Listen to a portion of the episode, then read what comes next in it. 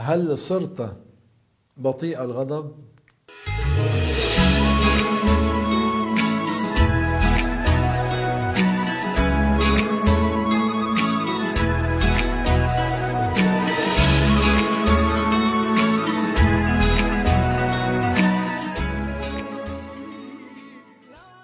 الحمد لله وصلى الله وسلم على رسول الله.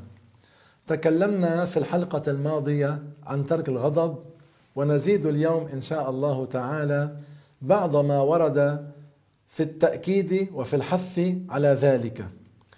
وقد ورد أن رجلا في أيام سيدنا عمر بن الخطاب رضي الله عنه اسمه جبلة بن الأيهم. هذا الرجل كان ملكا ثم أسلم. بعد أن أسلم كان يطوف حول الكعبة فأزعجه رجل فغضب. فماذا فعل؟ فلطمه.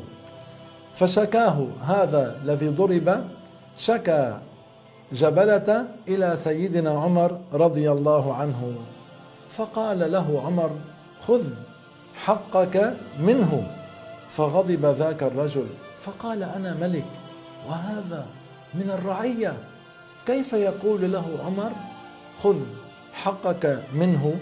فغضب فكفر وهرب والعياذ بالله تعالى. لماذا؟ لماذا كفر؟ من أجل الغضب. بسبب الغضب كفر. الغضب جره إلى الكفر والعياذ بالله تعالى. فالإنسان مطلوب منه أن لا يغلبه الغضب بل المطلوب أن يغلب الغضب أن يمسك نفسه عن الغضب. فمن ملك نفسه عند الاستشعار بالغضب فسلم ونجا من الهلاك لأن الغضب يسبب الكفر في بعض الأحيان. كثير من الناس يكفرون عند الغضب والعياذ بالله يسبون خالقهم أو يسبون شعائر الإسلام كالصلاة ونحو ذلك. وقد يبعثهم الغضب إلى القتل أحيانا ظلما إلى قتل شخص ظلما وإلى قطيعة الرحم وإلى غير ذلك من المفاسد.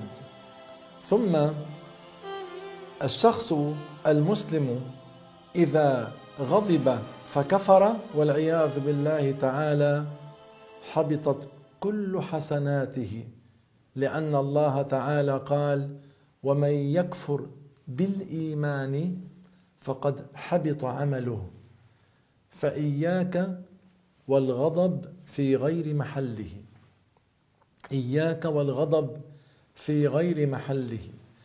وعن سليمان بن صرد رضي الله عنه قال أنه قال كنت جالسا مع النبي صلى الله عليه وسلم. ورجلان يستبان وأحدهما قد احمر وجهه فقال رسول الله صلى الله عليه وسلم إني لأعلم كلمة لو قالها لذهب عنه ما يجد. إني أعلم كلمة لو قالها لذهب عنه ما يجد. لو قال أعوذ بالله من الشيطان الرجيم. ذهب عنه ما يجد فقالوا له إن النبي صلى الله عليه وسلم قال تعوذ بالله من الشيطان الرجيم. لذلك ورد ورد أن إذا غضب أحدكم فليتوضأ. لماذا؟ لأن الغضب في غير محله من الشيطان لأن الغضب في غير محله من الشيطان. والشيطان مما خلق خلق من النار. وما الذي يطفئ النار؟ الماء. إذا غضب أحدكم فليتوضأ. لنذكر قصة قصيرة في أخلاق الإمام الشافعي رضي الله عنه وكيف كان يترك الغضب؟ وكيف كان يترك الغضب؟ يروى أن خياطا خاط للشافعي رضي الله عنه ثوبا فجعل كما واسعا وآخر ضيقا. جعل كما واسعا وآخر ضيقا ليختبر أخلاق الإمام الشافعي رضي الله عنه. فلما استلمه الإمام الشافعي ماذا فعل؟ تخيل حصل هذا في زماننا مع بعض الناس ماذا كان ليفعل. أما الشافعي رضي الله عنه لما استلم الثوب لم يعنفه لم يعنف الخياط بل قال نضع في واحد الكتب وفي الآخر الأقلام. الله أكبر. انظروا انظروا لم يعنف الخياط. كيف عامل الخياط وماذا قال له؟ هكذا كان الإمام الشافعي رضي الله عنه الذي قال من تعلم القرآن زادت قيمته. من تعلم القرآن زادت قيمته.